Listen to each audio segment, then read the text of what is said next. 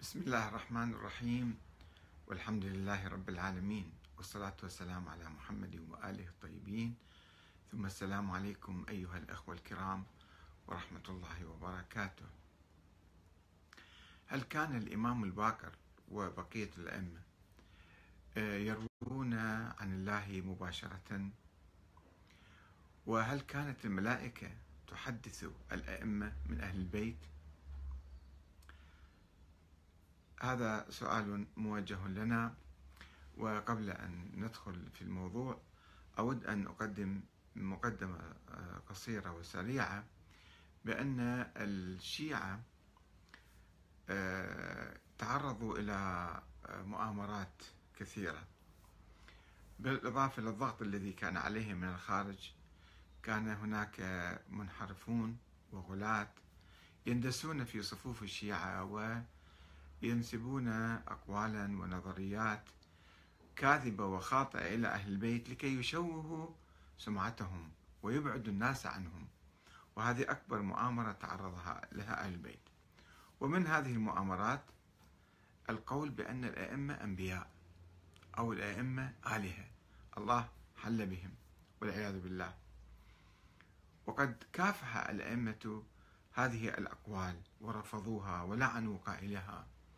ولكنها مع الأسف الشديد آه، يعني هذه الأقوال اندست في تراث أهل البيت الذي لم يجمع في زمانهم وإنما بعد رحيلهم وبعد رحيل حتى الإمام العسكري بخمسين سنة تقريبا أو أكثر آه، قام الكليني بجمع ما وجده من قصاصات ومن أوراق ومن كتب ومن من دون أن يأخذها مباشرة من كل الناس.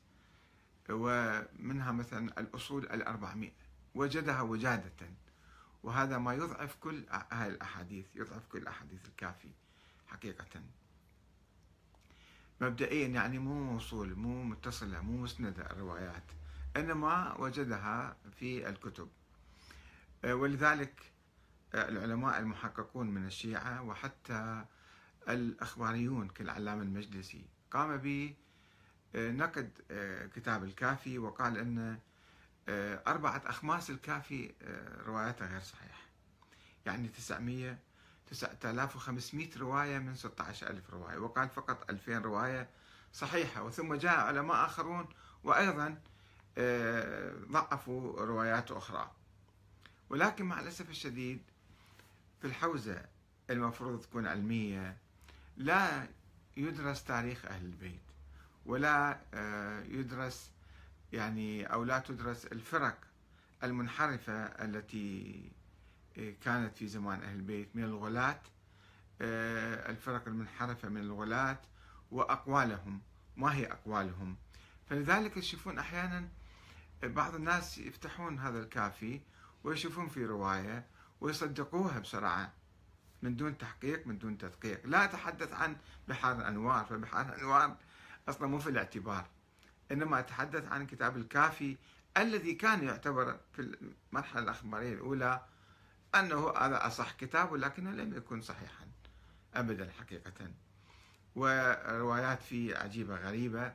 ومن هذه الروايات روايات الغلاة الخطابية الذين كانوا يقولون الأئمة أنبياء ولكن بلف ودوران. نفس الكلام نفس المعنى. أن الأئمة أنبياء ويرون عن الله تعالى مباشرة. يعني الأئمة عندهم حديث عندنا عن الإمام الصادق يقول بأن أنا ما عندي أي شيء إنما هي روايات عن أبي عن آبائي عن رسول الله. ما عندنا أكثر من هذا. رواة حديث رسول الله. زين؟ ولكن يجيك واحد ويجيك يجيب لك رواية يقول لك لا الإمام الباكر كان يروي عن الله مباشرة. طيب هنا يأتي السؤال. هل نزل عليه الوحي؟ كيف عرف هذا الحديث عن الله مباشرة؟ كيف يروي عن الله مباشرة؟ المفروض يعني هذا الحديث إذا كان صحيح كان نازل عن النبي.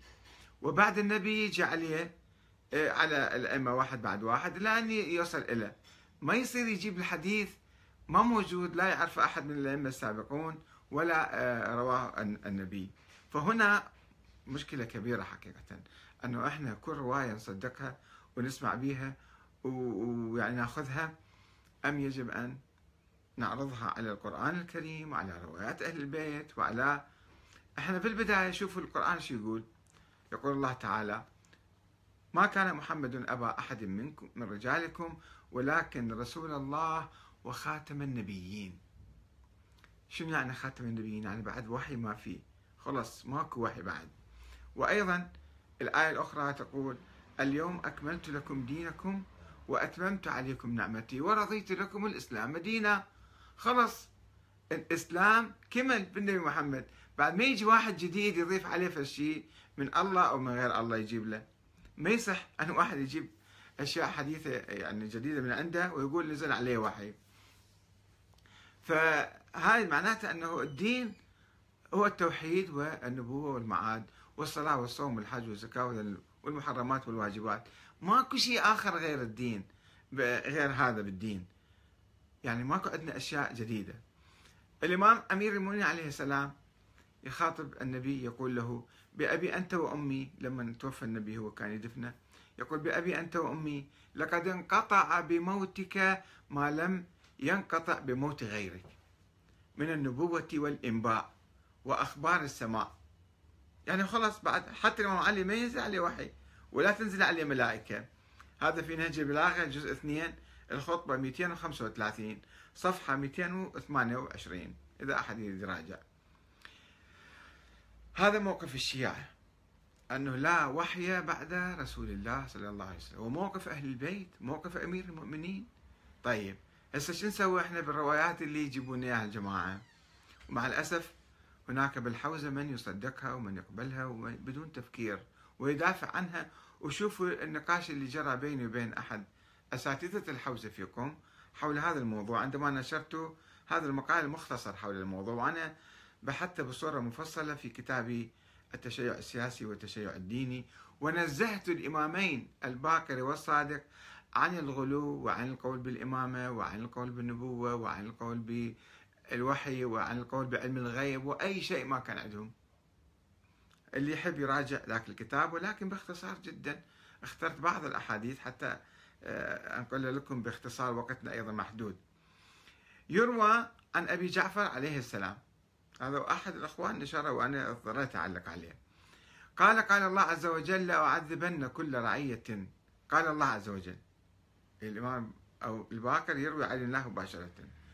قال الله عز وجل لأعذبن كل رعية في الإسلام دانت بولاية كل إمام جائر. ليس من الله هذا الإمام.